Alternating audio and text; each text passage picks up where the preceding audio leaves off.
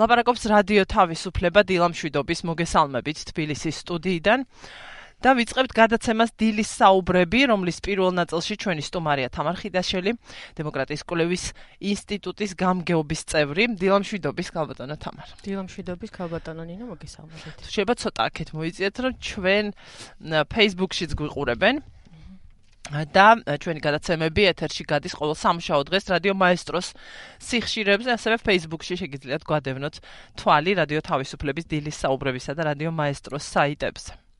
გადაცემის პირველ ნაწილში ჩვენ ცოტათი დაგვიანებით, მაგრამ სხვა გამოხმაურებებიც გვეწევა, ვეხმაურებით საკითხს, რომელიც უკავშირდება ევროსაბჭოს მინისტერიალის მასპინძლობას საქართველოს თავმჯდომარის ქვეყნის მიერ და განცხადებას, რომელმაც კითხვა იმის შესახებ თუ როგორ უნდა ემასპინძლა და რა უნდა გაეკეთებინა საქართველოს როგორც მასპინძელ ქვეყანას ამ ღონისძიების ასე ვთქვათ მასპინძლის როლში ბანამდეც იყო, თუმცა გააღვიძა და გაამწვავა, ასე ვთქვათ, ეს საკითხი საქართველოს პრეზიდენტის განცხადებამ ევროსაბჭოში, სადაც ის შეეხო ოკუპაციის კანონს აგრეთვე და თქვა, რომ შესაძლებელი ეს კანონი უკანაც იყოს გაწე გვერდზეც იყოს გაწეული თუ სადაც გნებავთ და საქართველოს სათანადო მასპინძლობას გაუწევსო. მათ შორის რუსეთის დელეგაციასაც აა გამოხმაურება იყო მწვავე ამაზე ბუნებრივია და იყო გამოხმაურება სამოქალაქო სექტორიდან არასამთავრობო ორგანიზაციები თქვენი ორგანიზაციის ჩათვლით თუ თაოსნობით გნებავთ თვლიან რომ ეს განცხადება ძირს უთხრის კანონის უზენაესობას და დემოკრატიული საზოგადოების ფუნდამენტურ პრინციპებს. ასევე რომ დავეციოთ ასე ვთქვათ ამბებს გამოხმაურება არის რუსეთიდანაც არაერთი და მათ შორის ჩვენთვის კარგად ცნობილი არა კარგ კონტექსტში, მაგრამ ყველასთვის ცნობილი უკვე სერგეი გავრილოვისგან, მან თქვა, როგორც ჩანს, საქართველოს მზადა გადავიდეს აქტიურ ნაბიჯებზე რუსეთთან შვიდობიანი ურთიერთობების სრული მოცულობით გასაუმჯობესებლად, მათ შორის დიპლომატიური ურთიერთობების და ელჩების გაცვლის დონეზე ეს მნიშვნელოვანია განსაკუთრებით მეორე მსოფლიო ომში გამარჯვების იუბილეს წინ ჩვენ მზად ვართ პატივი მივაგოთ დიდი სამამულომის პერიოდში საქართველოს ტერიტორიაზე ყველა დაღუპულს. საქართველოს მრავალეროვანი იყო აქ ცხოვრობდნენ რუსები, სომხები, ბერძნები, ქურთები, აფხაზები, იმედი გვაქვს რომ საქართველოს კლავაც გახდება მრავალეროვანი კეთილმოსურნე რესპუბლიკა, ეთყობა მან არ იცის რომ საქართველოს კლავაც მრავალეროვანი ქვეყანაა. და ხო, აი ეს არის მოკლედ რა მნიშვნელობა აქვს ამ აღქმებს თითქოს, მაგრამ მაინც ძალიან მნიშვნელოვანია და ბევრს ალბათ მოხვდა გულზე. აა ის ვითარება არის, რაც არის, ასევე იყო პრემიერ-მინისტრის გამოხმაურება ამ საკითხზე. არ მომისმენია. რომელიც ამბობს რომ იქ სადაც ოკუპაციის კანონი აქტუალური იქნება ოკუპაციის კანონი აქტუალური და ასე ვთქვათ ესე მოხდება გადაწყვეტა საკითხებისო ესეთი ზოგადი განცხადება გააკეთა მან ანუ უღელავთ არავინ ამ კანონის დარღვევას არ აპირებსო ასეთი იყო მისი განცხადება რა იქნება პრაქტიკულად ამას ნახავთ ბუნებრივია მაგრამ თქვენი აზრით ვიდრე ვნახავთ აი თქვენ განცხადებაშიც გაქვთ აქცენტები რისი გაკეთება შეიძლება ძალიან კონკრეტული რისკების დასაზღვევა. ჩვენ ხო ყველანი ვფიქრობთ და წარმოუდგენილი გვაქვს ის რაც შეიძლება ამას მოხყვეს. ერთი საკითხი კანონის უზენაესობის ხელყოფა და მეორე საკითხი არის სერიოზული უკმაყოფილება საზოგადოებაში. ანუ თქვენ ას ხო, თქვენ ას გარანტირებული შეიძლება ასე ითქვას, რას ითხოვთ მთავრობისგან? ამ შემთხვევაში კიდევ ერთხელ მოგესალმებით და მსმენელს მივესალმები, ასევე მაყურებელს. კარგია რომ ამ თემაზე დისკუსია გრძელდება და ასე კიდევ ერთი ორი სიტყვით მინდა ზუსტად თქვა რა მოთხოვნა გქონდა არასამთავრობო ორგანიზაციებს და რა რა წუხილები გქონდა ქალბატონი პრეზიდენტის გამოსვლასთან დაკავშირებით. მან პირდაპირ განაცხადა რომ ის საქართველოს ხელისუფლებამ მზად არის იმის გამო რომ პატივისცეს საერთაშორისო ვალდებულებებს რუსეთისაგან განსხვავებით ამას ხაზი უნდა გავუსვათ არ უნდა დავუკარგოთ პრეზიდენტს ეს განცხადება. მან აღნიშნა რომ რუსეთი არ სცემს პატივს საერთაშორისო ვალდებულებებს მაგრამ საქართველოს იმდენად სცემს პატივს ამ საერთაშორისო ვალდებულებებს, რომ ზადარის საქართველოს კანონმდებლობის გვერდის ავლით რუსეთის დელეგაცია შემოუშვას ოკუპირებულ ტერიტორიას შემოუშვა საქართველოს ტერიტორიაზე და მან ასევე აღნიშნა ის ფაქტი, რომ მისთვის კარგად არის ცნობილი, რომ რუსეთის დელეგაციაში ვინც იქნებიან, მათ უმრავლესობას დარღვეული აქვს საქართველოს კანონი ოკუპირებული ტერიტორიების შესახებ. პირველ რიგში ჩვენთვის საგანგაშო იყო ის რა თქმა უნდა, როგორც ამ ქვეყნის მოქალაქისთვის არასასიამოვნო მოსასმენი, რომ რაღაც გამონაკლისი კეთდება და ეს გამონაკლისი კეთდება სწორედ იმ ქვეყნის დელეგაციის წევრების სასარგებლოდ, რომელთა სამხედრო აგრესიამაც მოიტანა ქვეყნის ნაწილის ოკუპაცია შედეგად. და მეორე რა ტიპის გამონაკლისია საუბარი. პრეზიდენტი მაღალი ტრიბუნიდან საერთაშორისო საზოგადოებას და ქართულ საზოგადოებას ეუბნება რომ როდესაც მართველები საჭიროდ ჩათვლიან კანონის მოთხოვნებიდან გადახვევა შეიძლება. მან ასე თქვა რომ ქართული საზოგადოება ამას მტკივნეულად მიიღებს, მაგრამ ძალიან გაცხადებული მკაფიო მესიჯი ქონდა რომ ჩვენ მზად ვართ ამ ვალდებულებას გვერდი აუვაროთ. საქართველოს ეს კანონი ოკუპირებული ტერიტორიების შესახებ შეიქმნა შეიქმნა და მიღებული იქნა საქართველოს პარლამენტის მიერ უშუალოდ აგვისტოს ომის შემდეგ. მისი მიზანი არის რომ დაადგინოს ოკუპირებული ტერიტორიების სამართლებრივი რეჟიმი. ის ჩვენი მოსახლეობისთვის ცნობილია, თუმცა კიდევ ერთხელ ვიტყვი რომ ის პირდაპირ კრძალავს ოკუპირებულ ტერიტორიებს ტერიტორიებზე შესვლას არა საქართველოს ხელისუფლების მიერ კონტროლირებადი ტერიტორიიდან, ანუ ყველა ვარიანტი აფხაზეთში უნდა მოხდეს ზუგდიდის გავლით და ცხინვალის რეგიონში უნდა მოხდეს გორის გავლით, ანუ სხვა ტერიტორიებიდან, რუსეთიდან, ან სხვა ტერიტორიიდან ოკუპირებულ ტერიტორიებზე შესვლა არის აკრძალული და კანონით დასჯადი. ანუ და სისხლის სამართლის კოდექსი თვალისწინებს კონკრეტულ პასუხისმგებლობას. პრეზიდენტის ამ განცხადების მერე გამოვიდა, რომ ოკუპირებული ტერიტორიების შესახებ საქართველოს კანონი მოქმედებს როგორც შანს რუსი ტურისტებისთვის, სხვა ადამიანებისთვის, რომლებიც ჩვეულებრივი ასე ვთქვათ, ბიზნესმენებისთვის, ტურისტებისთვის, რომლებიც აფხაზეთში და ცხინვალში ჩადიან და არ მოქმედებს მთავარ პასუხისმგებელ პირებზე, რომლებსაც შეიძლება პირდაპირ დავაკისროთ პასუხისმგებლობა იმაზე, რაც ოკუპაციასთან დაკავშირებით მოხდა. მათ შორის საგარეო საქმეთა მინისტრი სერგეი ლავროვი, რომელიც არ არაერთხელ იმყოფებოდა ამ ოკუპირებულ ტერიტორიებზე. ის პირდაპირ არის ამ კანონის დამრღვევი. გარდა ამისა ჩვენ ვიცით რომ რუსეთთან დიპლომატიური ურთიერთობები არ გვაქვს და ასე შემდეგ. ასე რომ მე ჩვენ ვფიქრობთ რომ ეს განცხადება იყო საქართველოს საქართველოს სახელმწიფო ინტერესების საზიანო.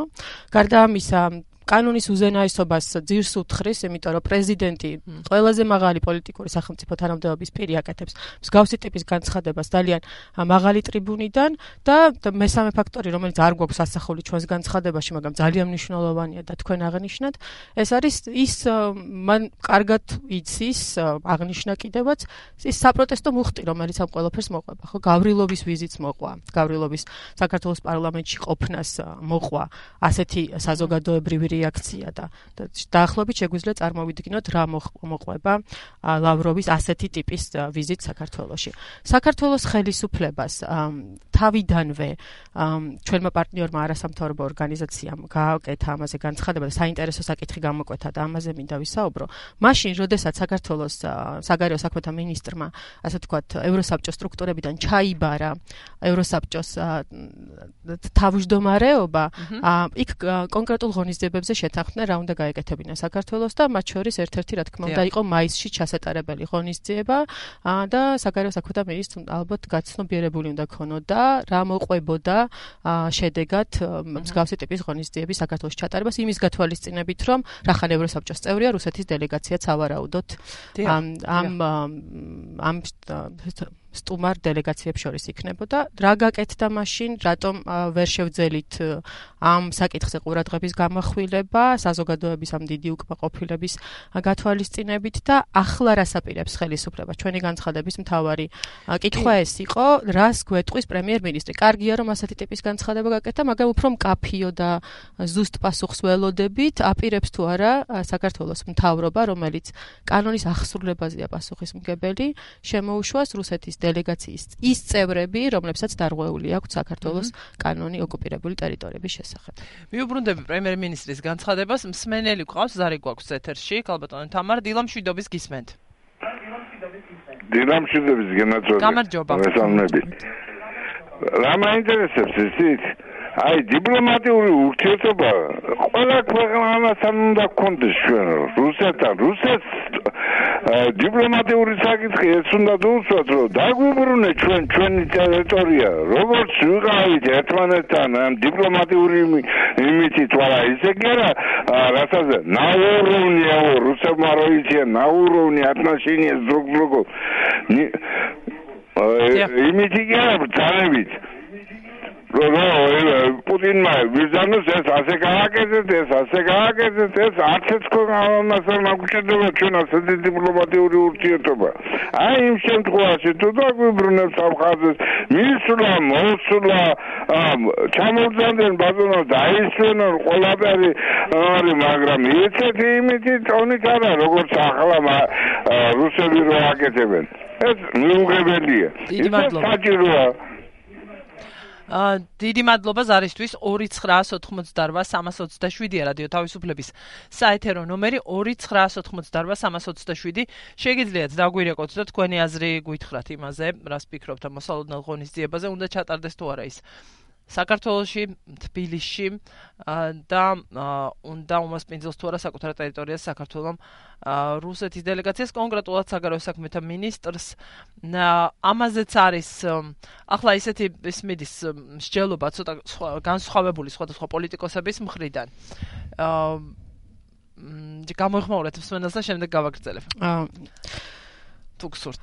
კი, და ეს რა თქმა უნდა, ამის სასურველია. სასურველია, დიახ, რატომაც არა, თუ ესე ვთქვათ, აა რუსეთი უკან გაიხმობს თუ ოკუპაცია დასრულდება თუ ოკუპაცია დასრულდება რუსეთი უკან გაიხმობს ამ ასე ვთქვათ ფსევდო აღიარებას და დიპლომატიურ და ასე ვთქვათ დაალაგდება და ჩვეულებრივი ნორმალური ურთიერთობები დაალაგდება როგორც ეს სუვერენულ სახელმწიფოებს შორის ხდება ხოლმე რა თქმა უნდა ამას არაფერი წინ არ უდგას მაგრამ უბრალოდ მსვენელმა ჩვენზე კარგად იცის და შევახსენებ რომ რუსეთი არის არაერთი და ასე ვთქვათ რუსეთს არაერთი საერთაშორისო ვალდებულება აქვს დარღვეული რომელიც ზუსტად კონფლიქტურ რეგიონებში ოკუპირებულ ტერიტორიებში მის ვალდებულებებს ეხება და რუსეთი დღემდე დაჟინებით ამ ვალდებულებებს არასრულებს, ასე რომ ჯერჯერობით ამ ეტაპზე იმაზე საუბარი, რომ ისინი რაღაც ტიპის დათმობებზე შეიძლება წამოვიდნენ, თუ ჩვენ ასე ვთქვათ, კარგად მოვიქცევით, ჯერჯერობით ამის პერსპექტივა არ ჩანს. ასე რომ ასე რომ ის მოცემულობა გვაქვს, რაც გვაქვს, რა თქმა უნდა, სურვილი მაქვს სურვილში შეიძლება შემოგიერთდეთ კი არა და რატომაც არა ოკუპაციის დასრულება წარმოდგენით და თეორიულად შეიძლება რა თქმა უნდა იქცეს და იქნება ასეც ალბათ. დიპლომატიური ურთიერთობების აღდგენის საფუძვლად. თუმცა გვაქვს ის მოცემულობა რაც გვაქვს რომლის ცვლილების პერსპექტივა ამ მომენტში არანაირად ჩანს. მსჯელობა არის განსხვავებული თქო თქვი მაგალითად ერთი ასეთიც იყო რომ ეს საქართველოს საერთაშორისო ვალდებულებაა და მასა ეს თავმჯდომარეობა ავალდებულებს ამ მასპინძლობას და იქნებ არც იყოს ამაზე ესე ვთქვა დიდი ნებები და მსჯელობა საჭირო და გააკეთოს საქართველოს ეს.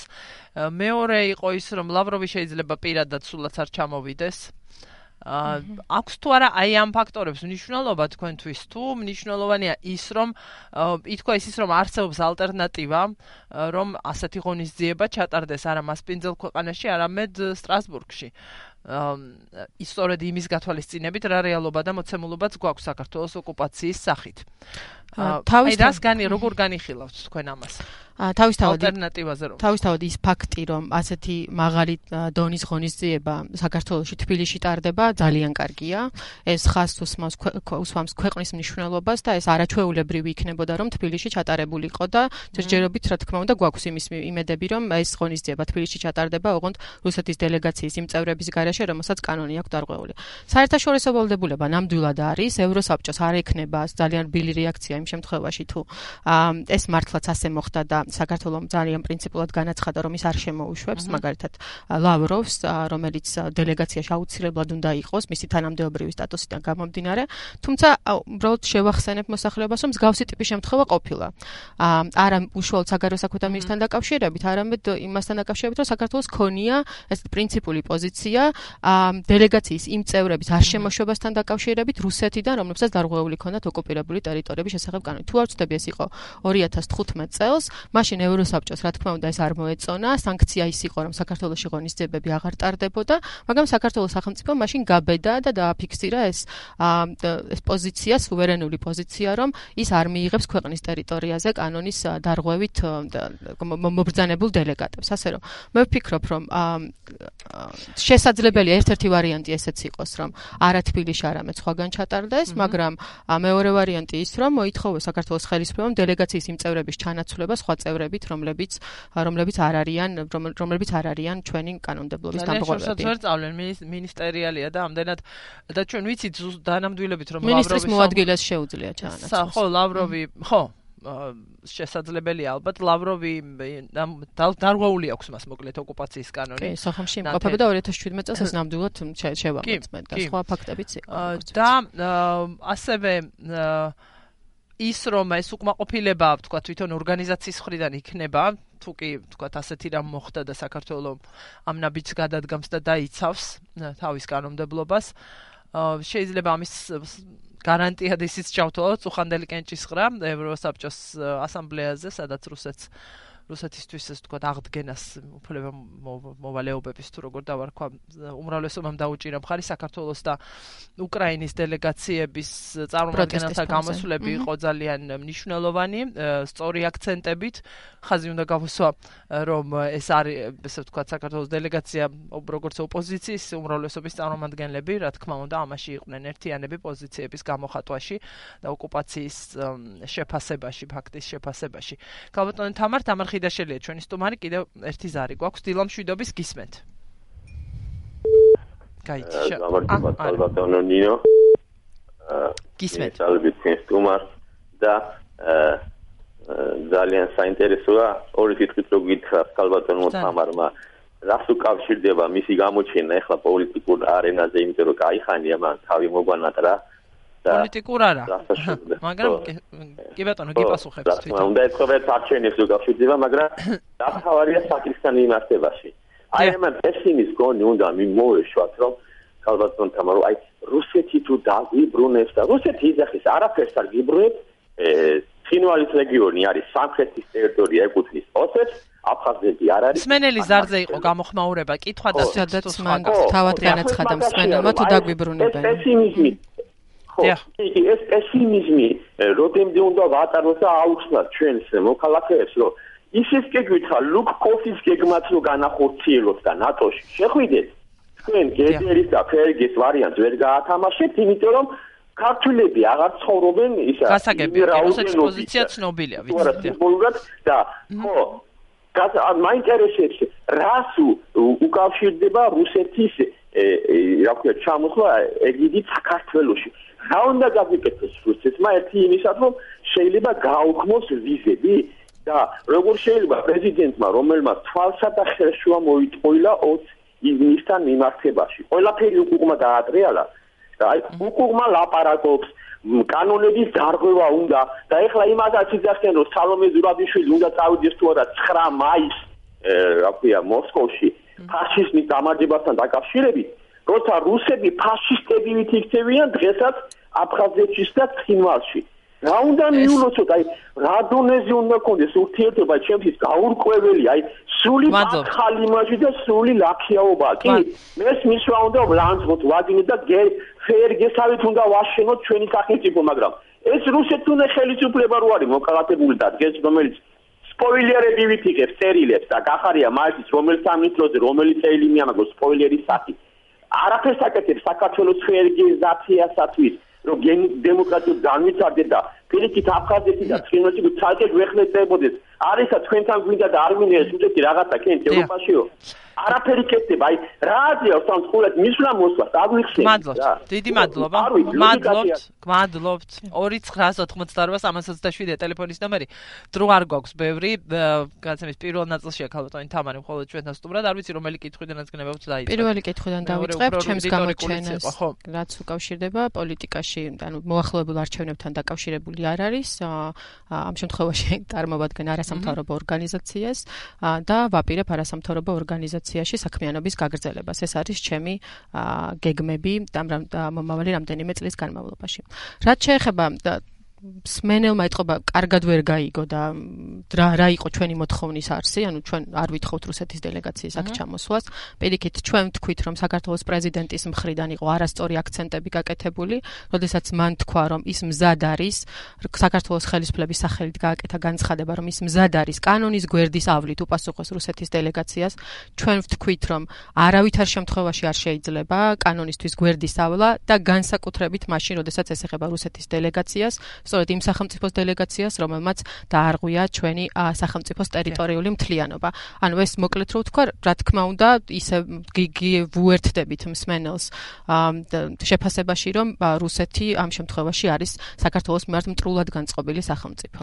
და პრემიერ-მინისტრის განცხადებას რაც შეეხება, ზუსტად რომ წავიკითხოთ, საქართველოს კანონმდებლობას ვერავინ აულის გვერდს, ეს ერთი და მეორე საქართველოს ევროსაბჭოს პრეზიდენტი ქვეყანა გახლავთ და სამწუხაროდ ესეც ფაქტია, რომ ევროსაბჭოში რუსეთს აღუდგა წევრის სტატუსი, ახლა უკან დავბრუნდეთ და ხაზგასმით აღნიშნავ, რომ ვერავის, ვინც ეს არ უნდა განაცხადოს საქართველოს კანონმდებლობას ვერავინ ალბათ გვერდს ვერ აულის, მოვა ის დროც და ყველაფერი კანონმდებლობის შესაბამისად გაკეთდება. შემდეგ იყო დაზუსტება, რომ ეძებს თუ არა ხელისუფლება შუალედურ ვარიანტს საერთაშორისო ვალდებულებების შესრულებასა და ეროვნული ინტერესების დაცვას შორის პრემიერის პასუხი არაფერს უეძებ ჩვენ საქართველოს კანონმდებლობის შესაბამისად ვიქცევით და თუ ეს კანონმდებლობა შესაძლებლობას გვაძლევს ჩვენ საერთაშორისო ვალდებულებებს ვასრულებთ. თუ არ გვაძლევს, მივდივართ ჩვენს პარტნიორებთან და რაღაც სხვა გამოსავალს პოულობთ. ანუ გამოსავალი არის მოსაძებნი და იმედია საქმის კურსში იქნება საზოგადოება. დილამშვიდობის გისმენთ ეთერში ხართ.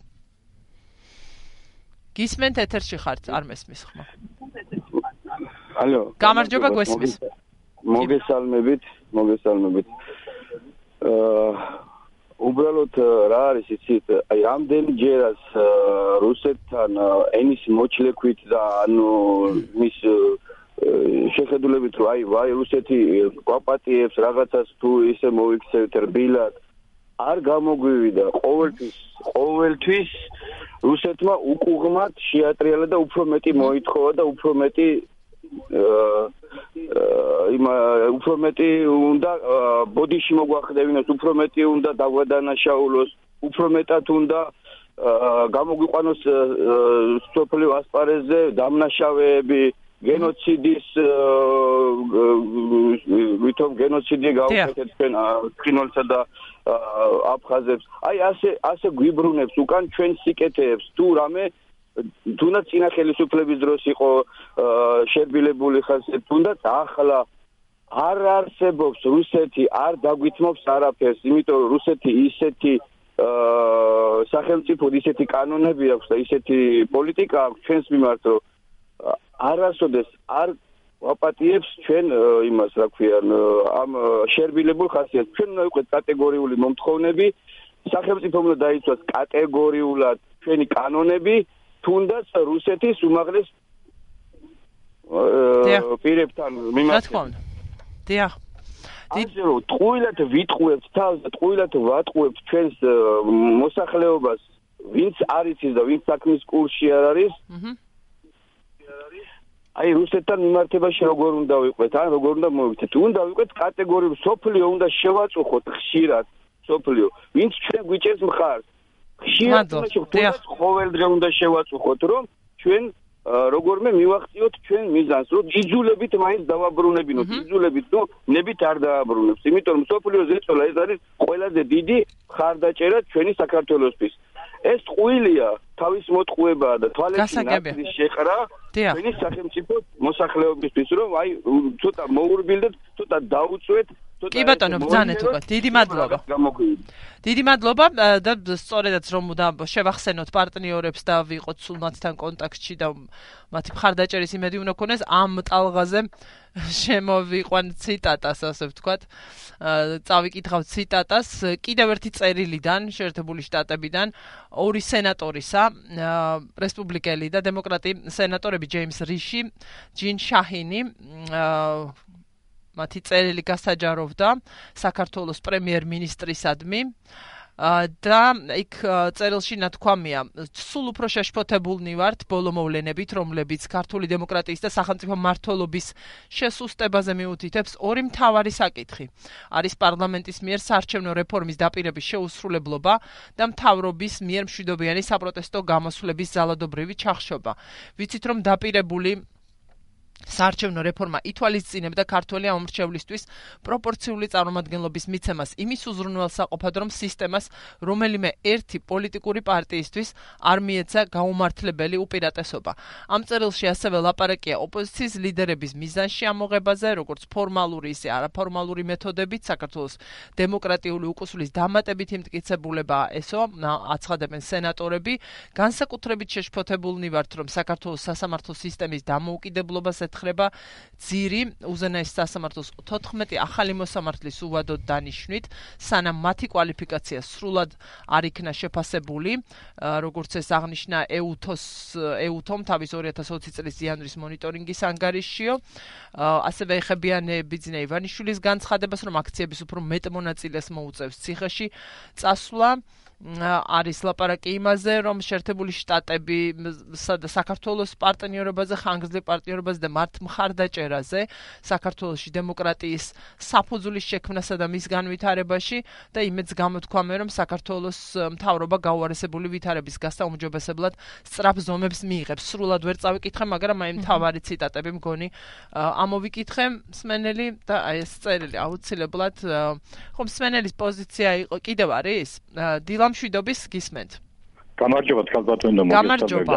აი თქალბატონო გამიდოთ აი შემეთქათ ახლა ხო შეიცვალა ვითარება მსოფლიოში. განსაკუთრებით თქვა მაგალითად ევროპისა და ამერიკის დამოკიდებულება, ევროპისა და რუსეთის დამოკიდებულება, ამერიკისა და რუსეთის დამოკიდებულება და თვითონ ევროკავშირი ხო მომხრე არის ახ ევროსაბჭოს ასამბლეა რომ დაუბრუნდეს ნორმალურ ურთიერთობას რუსეთთან, რადგანაც თვითონ ევროპა მაი ტრადიციულად დასავლეთ ევროპა მიზარალა და კი ბატონო ვიცით გვესმი ჩვენ ჩვენი ვითარება წოხილი გვაწუხებს საქართველოს უკრაინას მაგრამ აი პოლონეთი პოლონეთი ხო თქვა მაგალითად აშკარად ამერიკის გავლენის ქვეშ და ბალტიისპირეთის ქვეყნები და ისინი სხვის საქმეს აკეთებენ და არა თქვა ევროპის ტრადიციული და არა საკუთარს ბატონო? სხვის საქმეს რას ნიშნავს? სხვის ახლა თქვა ამერიკისათვის ინტერესებს ახლა დაპირისპირება ხდება ევროპასა და ამერიკას შორის აი თვითონ გასადენებო და სხვადასხვა იმის და ამიტომ მას ამერიკა შეიძლება თავისი მომხრები ტრადიციული ევროპის დასავლეთ ევროპის ძლიერი ქვეყნების კარგი საქართველოს როგორ უნდა მოიქცეს რომ გითხრათ ძალიან ცოტა დრო გრჩება აი ჩვენ რო ჩვენ რო ხო მეუნდებიან თქვენ თვითონ გამონახეთ ენა და საუბრის ურთიერთობა რუსეთთან დაალაგეთოთ ახლა ამ შემთხვევაში ყოველთვის გამწვევაზე ხარ უნდა წავიდეთ ხო უნდა ვიფიქროთ ცოტა უკეთესობისაკენ და ასეთერად ხო ყოველთვის არ იქნება ქიშმობით კი ბატონო?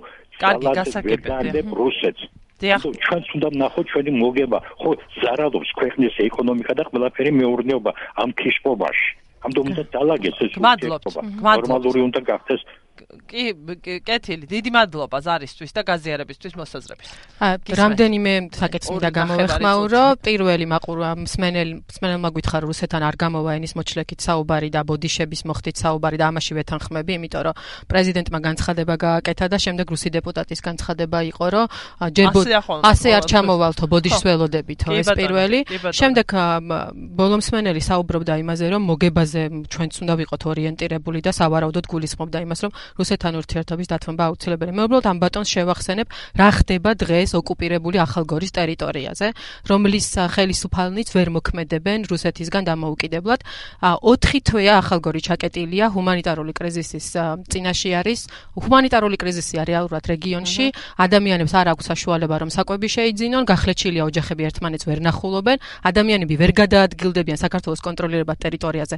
ვერ გადმოდიან და ეს ყველაფერი ხდება, რა თქმა უნდა, რუსეთის მხარდაჭერის შედეგად და ეს უნდა გავიაზროთ, როდესაც დათბობებზე და მოგებაზე ვსაუბრობთ, რომ ასე მარტივი არ არის, რომ საქართველოს პოზიცია საქართველოს ყველა შემთხვევაში უნდა შეეცადოს და აფიქსიროს მაქსიმალურად მკაცრი პოზიცია და მათ შორის საერთაშორისო არენიდან და არ ელაპარაკოს რუსეთის ხელისუფლებას ენის მოჩლექით, როგორც ერთ-ერთმა მსმენელმა გვირჩია. რა თქმა უნდა და ხო ადვილია რაღაცნაირად ესე ლაპარაკი ის ვინც უშუალოდ განიცდის ფიზიკურად განიცდის ოკუპაციის შედეგებს უპირველეს ყოვლისა იმ ადამიანებისგან უნდა გამოვიდეთ და უფრო ადვილი იქნება პრიორიტეტების დალაგება და არ შემიძლია არ შევეხო აი წუთი გრჩება მაგრამ ცოტა დროს დავამატებ ამ ნაწილს.